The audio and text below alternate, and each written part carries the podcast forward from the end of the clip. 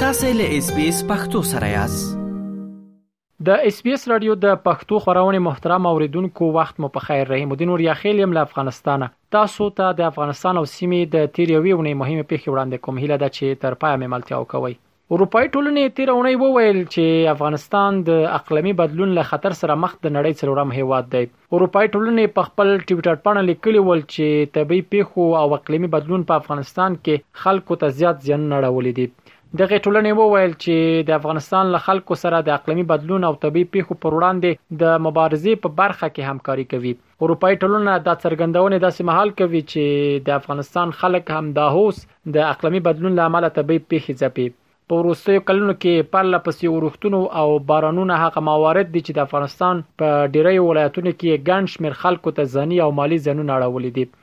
د دې ترڅنګ په افغانستان کې وچکالي هم د ډیرو خلکو د کروندو د لمنځه وړلو لامل شوه او ترڅنګ یې شدید بارانونه هم د خلکو زراعتي ځمکې او د استوګنې کورونه ویجاړ یا زیانمن کړي دي.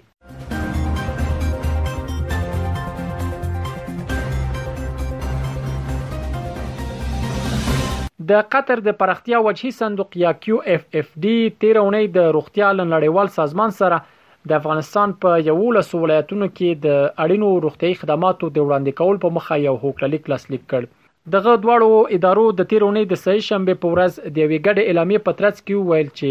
په پا پام کې لري په هلمند، دایکندي، غور، فراه، سمنګان، پکتیکا، نورستان، تخار، بغلان او میدان وردګو ولایتونو کې د اړتیا وړ درملو د ویش او د روغتیايي کارکوونکو د ظرفیتونو لوړولو په برخه کې مرسته وکړي. اعلامیه کې راغلي ول چې دغه درمل به د نه اتیا روغتي مرکزونو لارې د میندو او ماشومانو د مړینې د مخنیوي او درملنې په مخه وکارول شي د قطر د پرختیا وجهي صندوق له روغتیا نړیوال سازمان سره د افغانستان په ځینو ولایتونو کې د اړینو روغتي خدماتو د وړاندې کولو په مخه داسې مهال دغه هوکړه لاسلیک کوي چې د یو نړیوال سازمان ایمرجنسي راپور په اساس نړۍ ته په کتو افغانستان کې د ولادت پر مهال زیاتې میندې ژوند له لاسه ورکوي.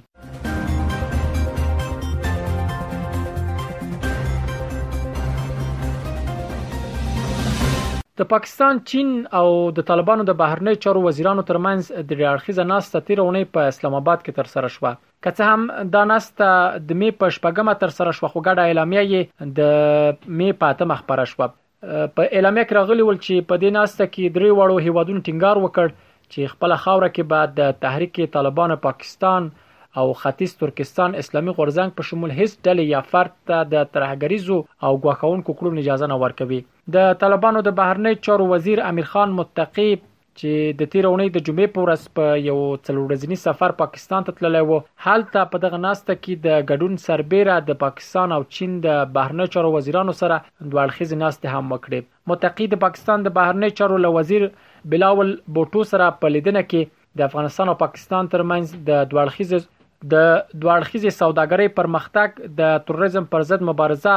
او د دوه اړخیزو اړیکو پراختیا هوکړه وکړله د طالبانو د بهرنیو چارو سرپرست وزیر په خپل دې سفر کې د پاکستان د پوځ له لوی درستیز جنرال عاصم منیر سره هم لید کاته وکړل او دواړو لوریو په دې کتنه کې د افغانستان او پاکستان ترمنځ پر سیمه ییز امن د خلکو په تګ راتګ کې اسانتیا په برابرولو او د افغان کډوالو پر ستونزو خبرې وکړې. امیر خان متقي د دې ترڅنګ په پاکستان کې د ځینو سیاسي او مذهبي ګوندونو له مشرانو او غړو سره هم وکتل او په دغه کتنه کې د اقتصادي مسایلو ترڅنګ د افغانستان او پاکستان پر سیاسي مسایلو هم خبرې وکړې. د طالبانو د بهرنیو چارو وزیر د خپل دغه سفر د پای په ورځ کې د پاکستان په پلازمېنه اسلام اباد کې د دغه هېواد د ستراتیژیکو څېړنو انسټیټیوټ ته هم خبرې وکړې او هلته یې د یوې پوښتنې په ځواب کې وویل د دوی حکومت هیڅ چاته اجازه نه ورکوي چې د افغانستان له خاورې د بل چا پر ضد کار واخلي. د افغانستان، چین، پاکستان د بهرنیو چارو وزیرانو د اړخیزه فارمټ پنځمه ناسته په داسې حال کې اسلام اباد کې ترسره شوه چې اونۍ وړاندې ملګرو ملتونو په دوحه او د شانګهای غړو د هند په ګوا کې د افغانستان په باب بیلابیل بحثونه درلودل.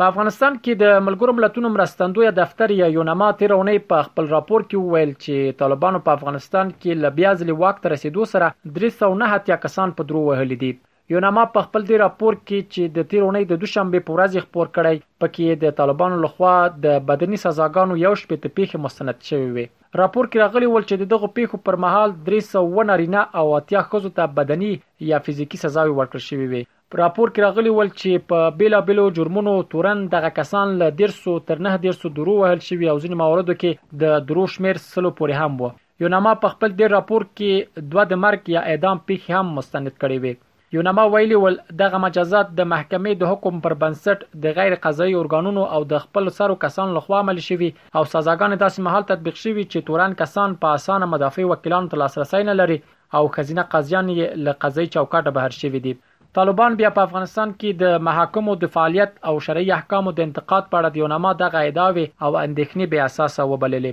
طالبانو وویل، واقعیت دا دی چې په افغانستان کې قضايي سیستم له پخوا نه ډېر قوي او عدالت تأمین شوی او د خلکو ټولو حقونو ته د اسلامي احکامو په رڼا کې رسیدګي کېږي او که اوس هم پر دې پرمختګونو او لاسته راوړنو سترګې پټوي او بې باوري رامنځته کوي، بې انصافي ده. یوناما دغه راپور داسې مهال خپور کړ چې همدا یوه اونۍ وړاندې د طالبانو سترې محکمې یو چارواکي وویل چې دوی تر اوسه یو سل او پنځه اویا تنو ته د اعدام، اووه دېرش تنو ته د سنګسار، څلور تنو ته د دیوان لاندې کولو او یو شمېر نورو ته د درو وهلو سزاوې اورولې دي.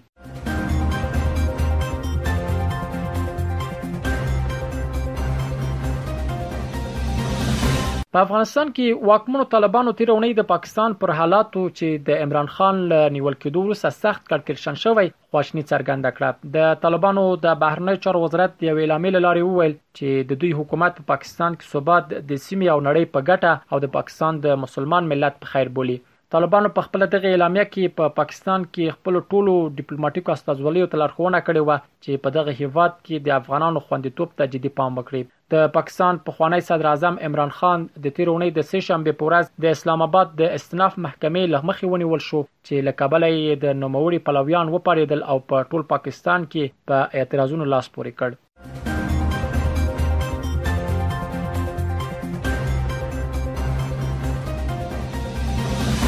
د دې اونۍ د پای موضوع هم دا چې د چین د بهرنی چارو وزارت تیر اونۍ په افغانستان کې له واکمنو طالبانو غوښتل چې د نجونو او ښځو په برخه کې خپل تګلارې اصلاح کړي